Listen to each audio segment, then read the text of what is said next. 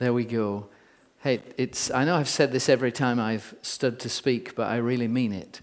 Uh, it's delightful coming amongst you guys. You are so kind, and I, I really, truly appreciate that. Thank you. I, am, I said some, how many were not here this morning? You're not going to be vaporized or anything. It would just show me how much to repeat of what I said this morning. Okay, thank you. Most were here. That's brilliant. Well, I began this morning just by saying a couple of things about the place I work because quite often people ask me, even today going out, a lady asked me a question and I realized I hadn't been very clear about the place I work. Um, I work in a lovely old castle in the north of England and it's the center of a Bible school which runs for either six months or for three months or for nine months. And, uh, and so it's a Bible school for the university terms of the year. And then the rest of the time, it's a holiday center. And uh, I had lots of brochures that I brought with me. And uh, I don't know whether I should say sadly or gladly, they've all gone. But I've also left a sheet out there if you would like a newsletter, a prayer letter, an update of all the things that God is doing at Capernwray, uh, if you just put your email address down, uh, it's just a free thing that comes out every month or so. What we were looking at uh, for this uh, weekend was the theme uh, walking in the mist or faith in the mist, trusting God when things are far from clear. And you remember this morning we said that in the mist, actually on a mountain in the mist, four things happen. Number one, you lose conviction. You, things that, that are real don't seem real. The fact that there's a beautiful blue sky and that uh, there's, there's different weather than the weather all around you is hard to believe because this becomes my reality. You lose a sense of conviction. Secondly, in the mist, you lose a sense of location. You're not really sure where you are. You convince yourself you're one place when really you're somewhere else. And then also you lose a sense of direction. It's far from clear which way you should be going. And finally, you lose a sense of proportion or of perception. And you can't tell whether things are big or small. And so we ended this morning by saying that that actually is so possible spiritually as well as physically. And I said this evening we would look at an absolute guidance system which will help us, especially if we are aware that we are getting lost in the mist. And to introduce this subject, I wanted to just talk about something that happens to myself and my wife, and it happens every December time. We get a phone call, and in response to that phone call, we go to an old building in a city near where we live, a city called Preston. And we go up some stairs and we are there for about an hour, an hour and a quarter altogether. And then we leave the building. And then about two weeks later, we get another phone call. And we go back to exactly the same place. This time we're only there for about 10 minutes. And then we leave. And as we leave, we walk down exactly the same street we walked along 15 minutes before. Nothing has changed, but everything has changed. We go down a little passageway to pick up our car in a car park. Maybe a couple of cars have moved around, but basically, it is exactly the same as it was 15, 20 minutes before except it is now totally, utterly, completely different, even though nothing has changed. And the reason for that is that every December time we get a phone call from our optician. And we go for our annual eye test, which is kind of disconcerting because we have recently got a new optician. My optician used to be a man who was about on a conservative estimate, about 100 years old. Well, well, he's moved on, and now we've got this uh, female optician who insists on getting her nose about an inch from my nose and starting talking to me. And how are you? And how are you feeling? And this, this lady's face is here. And, uh, and I'm thinking, wow, this is interesting. And, last time I was there, she asked me to look right, and I forgot which way was right. I'm thinking, so we have our eyes tested, my, my wife and I. And usually at our age and stage of life, we need new glasses. So when you go back two weeks later to pick up the new glasses and you put them on and you walk down exactly the same street, objectively nothing has changed, but everything has changed because you are viewing the same things through completely different lenses. It's interesting that philosophers and psychologists and scientists talk about something that, that you will have heard of. They talk about paradigms. Here is a definition of a paradigm a paradigm is a worldview underlying the theories and methodology of a particular subject. So, if you're a scientist and you're doing an experiment, you will have a paradigm. You will have a way of looking at that particular phenomena, your belief about it, how you think it works. And that will affect what you see and how you do the experiment, a paradigm. And paradigms are like lenses through which we view and by which we do life. And every one of us, every single one of us, has lenses right now. Uh, the problem with lenses is, even with these kind of lenses, you forget that you're wearing them. You're not aware that every single thing you're looking at, you are looking at through a lens. And so the fascinating thing is, when I go and get my eyes tested and I need new lenses and I put the new lenses on, it just seems weird because the focal point is different. And if you ever see anybody with new lenses, they're kind of doing all this business and they're, they're saying, okay, oh, I've got to do that to focus. It. It's really weird. And every one of us has lenses, paradigms. Smuggled into that definition of paradigm is the little word worldview. And a worldview is a set of assumptions and presuppositions which we hold consciously or subconsciously about the basic makeup of our world. It, it's actually the lens through which we view everything. Um, I don't know if, if, uh, if you've ever realized this, but our worldviews are incredibly powerful. And the thing is, like paradigms, we don't realize we have a worldview we think, well, the way I look at things is the way everybody looks at things. The way I respond to that situation is how everybody responds to it. If somebody says that to me, the things that start to go around and round in my mind are the things that go round and round in everybody else's mind, right? Absolutely wrong. Every single one of us has a personalized worldview. I guarantee if you sat down at, at, for a long time with the person next to you and you talk to them, you would discover they look at the world through different lenses to you. They have a different worldview than you do. And usually, the first time we suspect I also have a worldview is when we meet somebody with a very different worldview. I remember a long time ago now being in uh, Denver, Colorado, in America. And I'd been staying with a man who is a multi-millionaire some of the time. He's actually an entrepreneur. He's a wheeler and dealer. And so sometimes when I go, he's a multimillionaire, and sometimes when I go, he has no money whatsoever. He, he, he one time quoted to me Donald Trump, that American entrepreneur. Donald Trump was walking along a road, and at the side of the road was a man who had absolutely nothing, a guy just sitting at the side of the road asking people to give him money. And Donald Trump looked at that man and said, That man has $50 million more than I do because he has nothing. And at the moment, I owe $50 million. I'm $50 million in debt. Well, my friend's like that. One minute he's a millionaire, the next minute he has nothing. Well, he took us to the airport, myself and my wife and my daughter Abby. And as soon as we were approaching the airport, it was obvious that something was wrong because all the roads are locked up.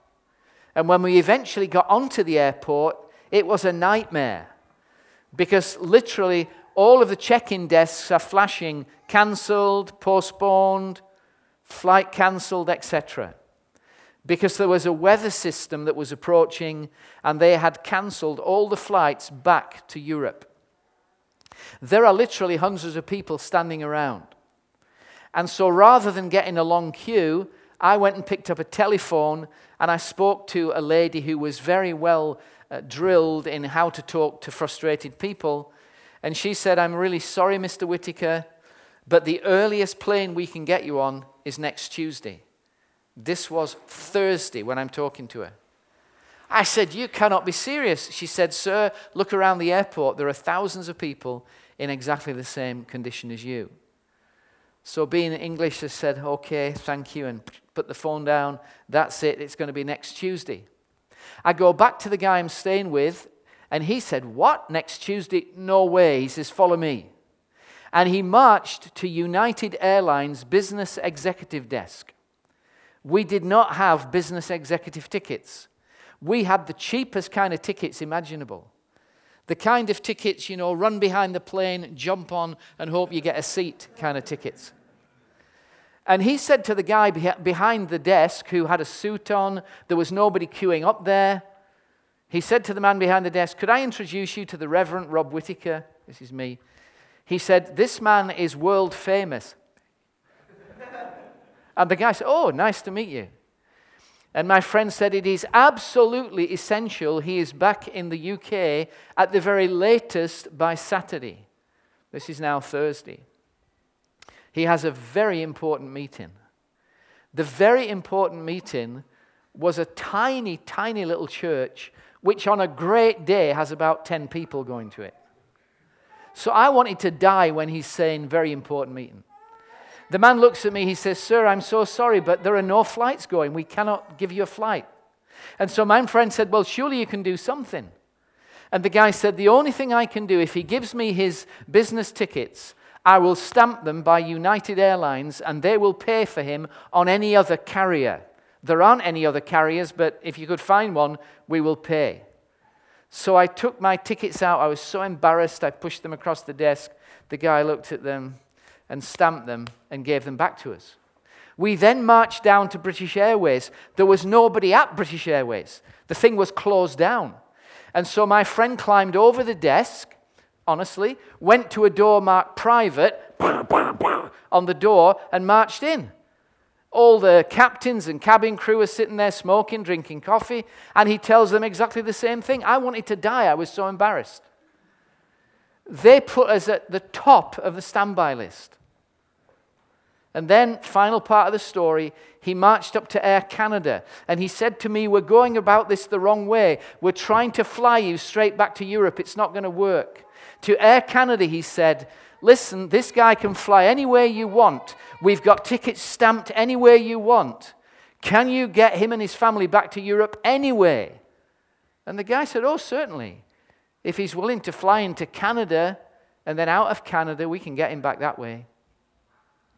We got back home 90 minutes later than if we'd been on the original flight.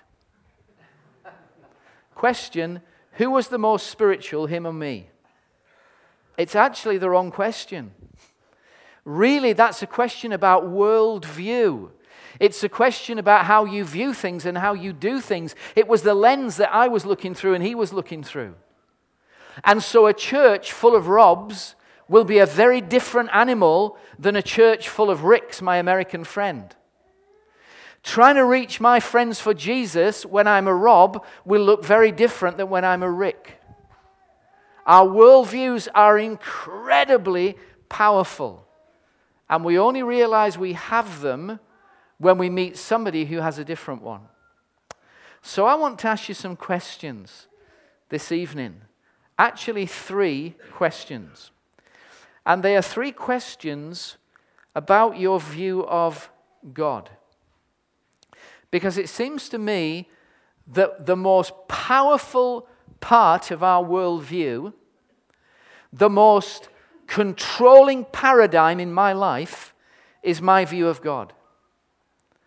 And we all think when we see, see the word G O D, God, that what I think of when I think of God is what the next person thinks of. That's absolutely wrong. So I want you just think about this. I'm not going to ask you a question.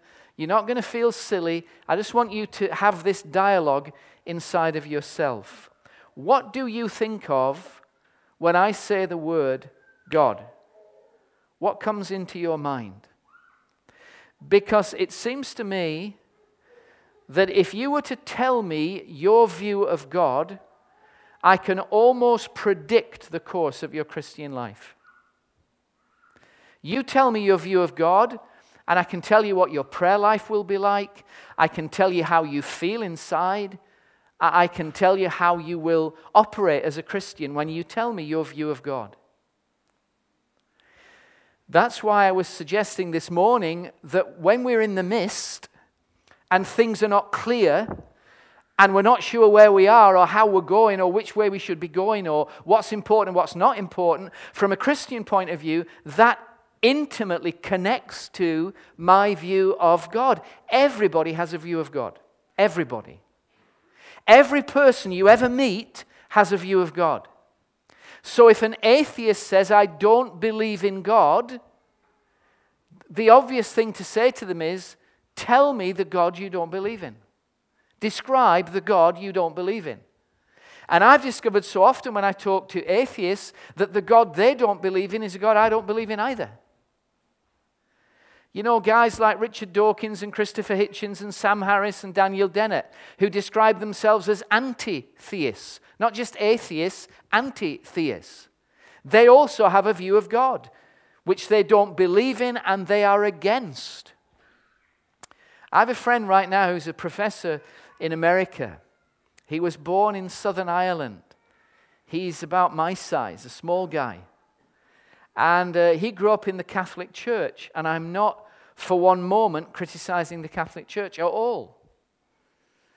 But in the Catholic Church, he personally did not come to an experience of Jesus for himself. And about the age of 17, 18, he went to a very different kind of church. He would now describe it as a happy clappy kind of church. And I'm not criticizing that either. I love churches like that. Lots of my friends go to churches like that. But he got involved in that church for five or six years. And over those five or six years, he became more and more disillusioned and had more and more questions, and things just didn't add up. Stuff he said he believed didn't work in real life, etc. And he said, One day I'm driving down the Antrim Coast Road in Northern Ireland. And I pulled off the road into a car park. I sat there, he said, and I could feel all of my faith go out through the bottom of my shoes. And I said to God, I no longer believe in you. And he said, Whether I heard a voice or whether inside I, I thought this myself, I don't know. He said, But it was as though a voice said to me, Sean, that's brilliant because the God you have been believing in for the last seven years doesn't exist. Now I'm going to introduce you to the real God. See, everybody has a view of God. Now, to help you with this, what I would like you to do, just inside, you don't have to tell anybody this at all. What I want you to do is choose one word to encapsulate God, your view of God. If you are only allowed one word in the entire universe to summarize the, the essence, the, the nature of God, just one word, what word would you choose? Now, now think about this. This word can be an adjective, it can be a noun, it can be a pronoun, it can be a verb, it can be a name, it can be a proverb, it can be anything you want, but you're only allowed one word. And, and I should maybe give you a health warning. I've, I have just been asking this question of, of literally hundreds and hundreds of people. And I'm not going to do this with you, but sometimes I've asked people to say their word to the person next to them so that they can't change it as we continue through the message. So it's kind of nailed it down. And I'm not going to do that with you. But when I've done that, at the end, I've asked, now, how many of you got the right answer to that question? And so far, two people have put their hands up. So this is not an easy question. it's a much more profound question than it may seem at first. So, what is your view of God in one word? Here's the second question Where did your view of God come from? Wonder if you ever asked that question. At Capernwray, where I worked, do you remember I said it was like an old castle? And there's a big lounge, I mean, a massive lounge with a log fire, and it's really nice. And the students love to go in there. And we have lots of games there, and some of the games are jigsaw puzzles. You know, a jigsaw puzzle is uh, it's kind of a picture, and it's been cut up into funny little shapes. We call it in English a jigsaw puzzle because the saw that's been used to cut it is a jigsaw. So it, it, you know, you've got lots of these funny little shapes and you've got to put them all together. Well, I guess we have about 10 jigsaw puzzles in the cupboard at Capernwray. The only problem is that some of the pieces have gone missing and some of the jigsaw puzzles have got mixed up. So you have pieces from other puzzles in a box. And also the top of the box with the picture on, which is showing you what it should look like when you put it together, half of the pictures are missing.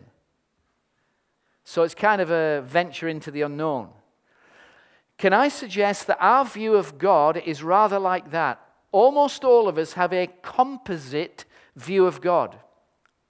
It's like lots of jig- different jigsaw puzzles have all been mixed together, and now we've put them together in our own particular way, and that's my view of God. Where did your view of God come from? Now, my guess is for many of us that our view of God has come from church.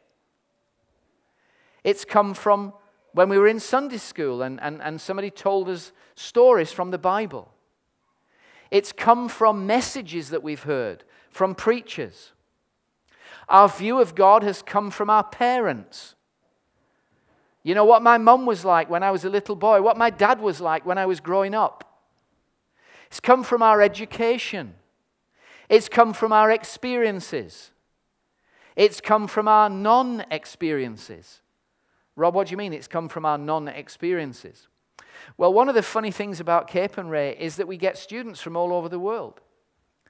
And they're all coming from different backgrounds. And so, for instance, we may get some students coming from church backgrounds, and I respect this. I'm not, I'm not trashing this, but we get them coming from church backgrounds where they believe that God never, never, never does miracles today. Uh, and they passionately believe that. And I, I disagree with them, but I understand that view. And then they find themselves sharing a room with an African pastor. And that African pastor regularly prays for sick people, regularly prays that demons might leave people, regularly does all kinds of stuff that, that my friends say from Switzerland has never experienced. And so our view of God is fashioned by our experiences and by our non experiences. So, what is your view of God? because it is the lens through which you will view everything else. I hope you've still got that word in your mind. Where did your view of God come from? And here's the third question How do you know your view of God is right? And you say, Well, Rob, of course it's right. Come on, don't be ridiculous. I mean, of course my view of God is right. I, I know it's right. Well, well, all of us walk around convinced that our view is right. Very few people walk around convinced they're completely wrong. Most people walk around absolutely certain they're absolutely right about everything. And yet they disagree passionately with somebody across the road from them. So, how do you know your view of God is right? Well, you say, Rob, come on, man, this is church. I read the Bible. Of course, my view of God is right. Oh, really? You see, the problem is we all read the Bible through our worldview. That's the point. We all look at the scriptures through our paradigms. And our worldview and our paradigms filter things out of the Bible. They actually may as well not be in the Bible. Just think for a moment of Saul of Tarsus. I mean, I don't know most of us here. I know I admire you, I know you're great, great folk, but I don't know how much you read the Bible personally. But I would be willing to bet you don't read the Bible more than Saul of Tarsus did. Saul of Tarsus was burning off all the people of his generation in terms of his commitment to Yahweh. He read the Bible like the Bible was going out of style. The problem was he read the Bible through first century Jewish lenses. And so, if he'd underlined verses in his Bible or he'd shaded them through, which he didn't, but let's imagine he did, then all of the verses about the Messiah, which spoke about the Messiah as a coming deliverer, would have been underlined in his Bible. The songs he sang, the, the, the, the, preachers he listened to, the theological books he studied, all told him that the Messiah was going to come and deliver the Jews from under the boot of Israel. I beg your pardon, from under the boot of Rome. Because Israel was part of the Roman Empire. And they believed the Messiah was going to come as a world deliverer and as a political warrior and reinstitute the kingdom of David. And so when Jesus rode into Jerusalem on the back of a donkey, and then when Jesus was fastened up on a Roman gallows, it was utterly impossible for Jesus to be the Messiah because of Saul's reading of the Bible. You see, reading the Bible does not necessarily correct your view of God, it usually just strengthens your opinion that you already have. How about memorizing the scriptures? Oh, Rob, I memorize the scriptures. I, I can quote you the Bible. Well, well, so could Simon Peter.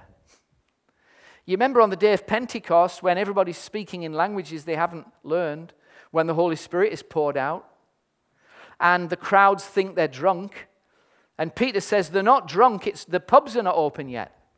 I mean, that's basically what he said. It's not opening time yet, it's only nine o'clock in the morning. These men are not drunk as you suppose, but this is that which was spoken by the prophet Joel. And then he quoted word perfectly what Joel had said in the Old Testament. In the last days, says the Lord, I'll pour my spirit out on all flesh. Your sons and daughters will prophesy. Your old men will dream dreams. Your young men will have visions. On my servants, both men and women, I'll pour out my spirit and they'll prophesy. Did Simon Peter believe that? Well, up here he believed it because he could recite it, he could say it. But deep down inside, he didn't believe it. What? I, he didn't believe it. Rob, he didn't believe it. Let me prove to you he didn't believe it. What has he just said?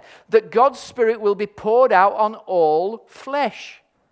The Greek there means on all the nations, on different people groups, which of course is what the day of Pentecost was all about. The Spirit now is going to be made available to everybody who hears the gospel and believes. Question How many non Jews did Simon Peter try and reach with the gospel before Acts chapter 10? Answer Zero. Simon did not try and preach to one non Jew until Acts chapter 10. Why? Because of the lenses he was wearing, because of his worldview, because of his paradigms. And so he's quoting the Bible on one level and living completely different on another level. So, what was it that corrected the lenses of Saul of Tarsus and Simon Peter? Well, it wasn't reading the Bible. Because the problem, I'm not criticizing reading the Bible, believe you me, but the problem in reading the Bible is we only see in the Bible the things that we've already seen and the things that confirm our worldview. And we very conveniently pass over other stuff that may as well not be there. When I became a Christian, I was given this piece of information. Build your experience on your theology. Do not build your theology on your experience, which was very good advice. Uh, because it was the advice that was saying there are lots of crazy people around. There are some crazy people in the church as well as anywhere else.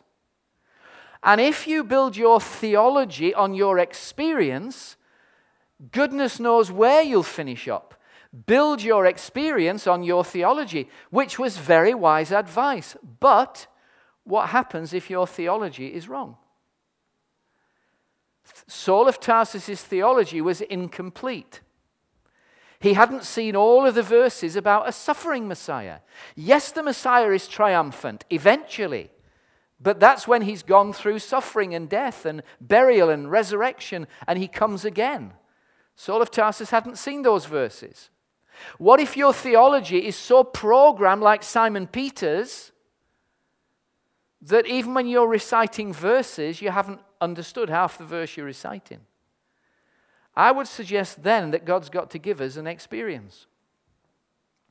What corrected Saul of Tarsus' theology was that he met Jesus on the road to Damascus.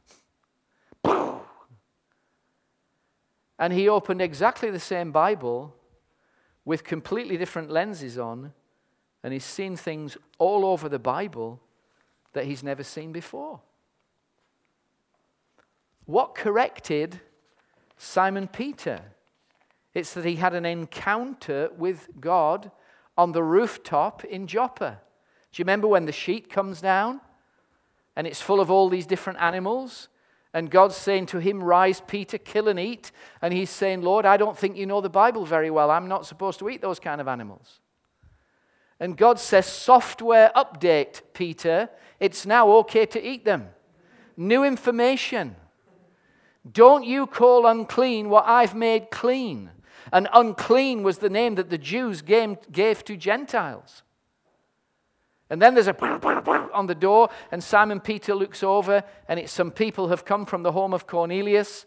And Simon Peter goes with them the next day, and for the first time in his life, he steps into a non Jewish household. And he meets a non Jew who's met an angel and who God has spoken to. And Simon Peter says, I now realize that God doesn't play favorites but accepts men from all nations who fear him and do that which is right. He now has new lenses on. And he goes back and starts looking at the scriptures through new lenses.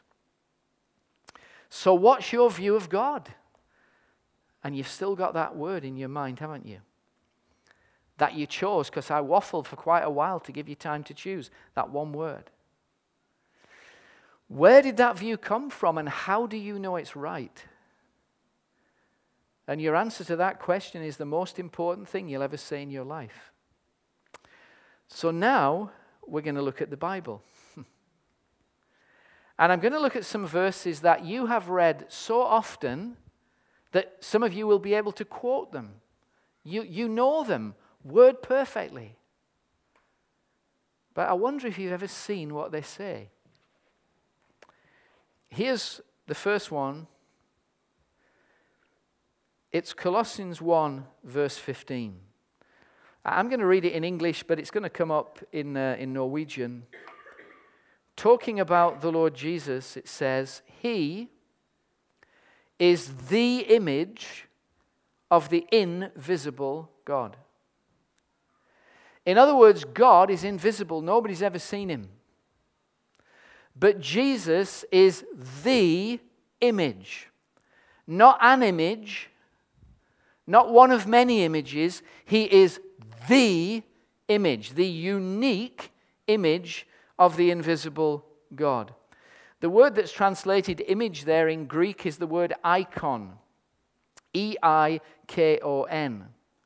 And 2,000 years ago, here's how the word icon was used it was used, first of all, of a reflection in a mirror. If you looked into a mirror looking back at you would be you. And if it was a good mirror, it would be exactly you looking back at you. That is your icon, your reflection in a mirror. Secondly, 2,000 years ago, if you had lots of money and you, uh, they'd had yellow pages and you went through the phone book and you found a famous person and they came over and you spent a week with them, you paid them a lot of money and they're spending time with you, and then eventually you sit down and they're doing all this as they look at you, and then finally they paint a portrait of you, that portrait would be your icon. Icon is the name for a portrait. A portrait is not just what you look like on the outside, a portrait is a window into you. It shows what you're really like. And then finally, the word icon was used legally, it was used as the summary of a person's character. So Colossians 1:15 Jesus is the in a class of his own, unique, nothing like him in the world or in the Bible or anything. He is the reflection, the portrait, the summary of what God is like. Okay, now let's look at another verse that you know very well, or a cluster of verses that you know very well. I'm going to read from Hebrews chapter 1 and the first three verses. And here we read these words speaking about Christ. In the past, God spoke to our forefathers through the prophets at many times and in various ways. So, looking at the Old Testament scriptures, through people like Isaiah and Jeremiah and Hosea and Malachi, God, in lots of different ways, spoke to his people. The next word is really important, but. Now, by contrast to all of that, all of that's wonderful, it's fantastic, it's really important, but in these last days, he has spoken to us by his Son, whom he appointed heir of all things, and through whom he made the universe. Here's the important stuff talking about the Son. The Son is the radiance of God's glory he is the exact representation of his being. What does exact representation mean? Well, it's used in a variety of ways. It's used, uh, for instance, if you have a metal die, a metal engraving tool, you're making coins, and you have molten metal, and on the end of the, of the die, you, you, you carve out the picture of a king, a sovereign in a country, and then you press that into the molten metal. The connection between the die and the metal is that word exact representation. It is exactly the original. Notice what it says about Jesus. He is the exact representation of God's being. Sorry, we're going to look at a little bit of Greek for a minute. The word that's translated his being is the Greek word hypostasis. That's two Greek words, hupo and stasis. Hupo means under. In, in, in England, we have a hypodermic syringe, a hypodermos, a needle that goes hupo under the dermos, the skin, hypodermos. Hupo means under. And Jesus is the exact representation of the hupo, the under, stasis, is the substrata, the foundation. If you have a very large office block, and you were there when they were building it. The very large office block is built on a strong, deep, deep, deep foundation. Jesus is the exact representation of the deepest truths about God. I wonder if you believe that. He's the image of the invisible God, not one of many. He is the exact mirror image of the deepest substrata of the nature and character of God. How come?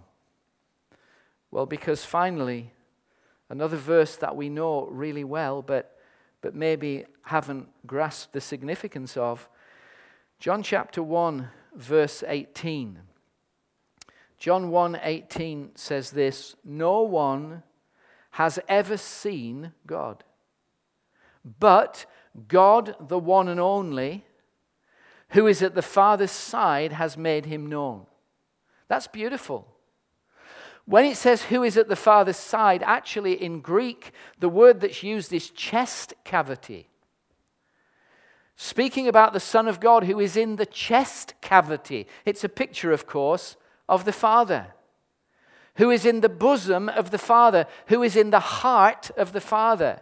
God the Son is in the heart of the Father, and he has made him known. The Greek word exegeted him, explained him, fleshed him out, come to show us what God is like. And so let me just summarize that before I apply it. Jesus is the unique reflection of God. Jesus is the portrait of God. Jesus is the summary of everything that's important about God. He is the mirror image of the substrata of God. He has come to flesh out what God is like, and He's come from the very heart of God. So let me ask you a question. I don't want you to put your hand up. When I asked you, and I, and I on purpose chose the words I've just been using, I asked you to choose one word that summed up the character of God. I asked you to choose one word that summarized the absolute essence of God, and you're only allowed one word. Now, here's where you might start arguing with me. Oftentimes, people who are maybe not as polite as you come to me at the end and start arguing. Because I'm going to say this as clearly as I can. If your one word was not Jesus, then you got the wrong word. If you did not choose Jesus to encapsulate the very nature of God in one word, then you got the wrong answer. You say, Rob, no, I don't think I did get the wrong answer. No, no, I think you're wrong there. I've enjoyed you up to now, but no, no, no, no. You got the wrong answer. You say, but, but Rob, I chose the word love. God is love. That's what it says in 1 John. Yes, it does, but what on earth is love? That's the whole point. You know, there's a thousand definitions of love. And here's where the problem comes in that we quote the verse, God is love, but we read into the word love what we think love is. 1 John also goes on to say, Herein is love, or here's how we know what love is Jesus Christ laid down his life for us, and we ought to lay down our lives for our brothers. I can't define love until I look at Jesus. Yes, God is love. But to understand what love is, I need to look at Jesus. He, he fleshes out what love looks like.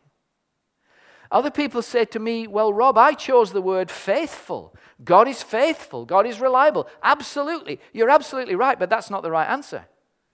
Because what does faithful mean? What does reliable mean? What does you can depend upon God mean? The only place I can see what that looks like is to track Jesus along the lanes of Galilee and the roads of Jerusalem and see Jesus hanging on a cross, apparently abandoned by God and screaming out in agony, My God, my God, why have you abandoned me? Luther said on the cross, God discovered what it felt like to be abandoned by God. So, yes, God is faithful, absolutely. But that doesn't mean that everything in my life always goes wonderful. That doesn't mean that I always feel, wow, life's great. Isn't it great? My wife just got cancer. Praise the Lord. No way. God's faithfulness has got to be described in terms of Jesus. Other people say to me, God is sovereign. Don't forget that, Rob. God's sovereign. Yes, but what does sovereign mean? Sovereign is one of those slippery words. It can mean a thousand things to a thousand different people. We have a sovereign in Great Britain. Her name is Queen Elizabeth II. She has no authority whatsoever. She makes no decisions whatsoever. She's a constitutional monarch. Is that what we mean when we say God is sovereign? Or we go over to the Middle East and we see some despot, some dictator, some terrorist who's sovereign. He snaps his fingers and a thousand people are wiped out as he drops some kind of chemical weapon on them. Is that what we mean when we say God is sovereign? Or do we look at Jesus down on his knees, washing his disciples' feet? That's what God's sovereignty looks like. We look at God's Son born in a barn and laid in an animal's feeding trough and carried by a mum and dad. That's what God's sovereignty looks like. We look at God the Son allowing little creatures of space and time to fasten him on a cross. That's what God's sovereignty looks like. See, this changes your entire world when you say God is in every way like Jesus. Somebody once said this if I want to know what God is like, I take a long look at Jesus.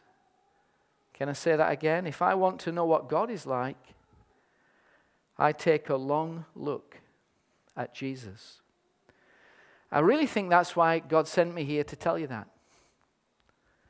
Because I promise you that would change your life if you believed it. In every situation, every question I have, every decision I have to make, every road I wonder, is that okay to go down? I am going to look at Jesus. See, it seems to me, and with this I close, certainly in my life, I don't know if this is true for you, but in many Christians' lives, there's a statement by a man called Kenneth Bailey. And he said this For many of us, in our devotional lives, in our Bible reading lives, in our religious life. For many of us in our devotional life, the life, the ministry, the example, the teaching of Jesus has exactly the same place as it does in the Apostles' Creed. Let, let, let, me remind you of the Apostles' Creed. The Apostles' Creed isn't something from the Bible, the Apostles' Creed was, creed was just drawn up by theologians. It's a great statement. And when I was growing up in the Church of England, I used to stand every Sunday and say the Apostles' Creed. Just listen to this and see how much emphasis is placed on the life, the example, the teaching of the Lord Jesus Christ. I believe in God the Father Almighty, the maker of heaven and earth and of all things visible and invisible. And I believe in his only begotten Son, our Savior, the Lord Jesus, who was conceived of the Holy Spirit, born of the Virgin Mary, suffered under Pontius Pilate, was crucified, dead, and buried. And the third day it rose again. And then it goes on. Listen to that again. I believe in the Lord Jesus, who was conceived of the Holy Spirit, born of the Virgin Mary, that's Christmas, who suffered under Pontius Pilate, was crucified, dead, and buried. That's Easter. How much emphasis was placed on the life, the teaching, the parables, the example of the Lord Jesus Christ? Answer a comma. In the Apostles' Creed, we jump straight over the life of the one who was sent to show us what God is like. And Kenneth Bailey said for most Christians, in their devotional lives, the life, teaching, example, ministry of Jesus has as much emphasis as it does in the Apostles' Creed. And so I've discovered in my life that I now debate is there one or two Isaiahs? I'm now interested in the three views of the baptism of the Holy Spirit. I'm really interested in is a day in Genesis 24 hours or a thousand years or whatever. And it is so easy to get into so much stuff that's fascinating and interesting and good and valuable, and I'm not throwing it out. But I have stopped walking with Jesus in my personal life. In my Bible reading, whatever else I'm reading, and I should be reading all of the Bible, of course, but whatever else I'm reading, I've stopped reading the Gospels. I've stopped looking at how Jesus did life. I've stopped looking at the teaching, the parables, the example, the life choices of Jesus. And I'm in danger of becoming a clever devil who knows all sorts about everything, but I've drifted away from the image, the exact representation, the one sent to reveal the heart of God. Round about December time, Barbara and I get a phone call. And we go to this little building and we're there for about an hour and a quarter. And then we return home, and a couple of weeks later, we go back, and there we're only there for 15 minutes. And we get new lenses. And we walk out into exactly the same world, but it looks completely different. I wonder how many of us need our spiritual lenses retweaking so that I'm focusing again on Jesus and I'm seeing life through Him. He's God's objective guidance system in the middle of the mist and the confusion and the questions. We're going to pray together and then hand back. Father, thank you so much for uh, being able to be together. And Father, I realize in my own life how easy it is to stop looking at Jesus in the Bible and to stop focusing on Him as if my life depended upon it. Father, I pray in my life and in all of our lives, you would draw us back to an obsession with Jesus. Knowing that He didn't only live 2,000 years ago, but in the person of the Spirit, He lives in us and with us so that we can do life together and be His agents in a dark and confusing world.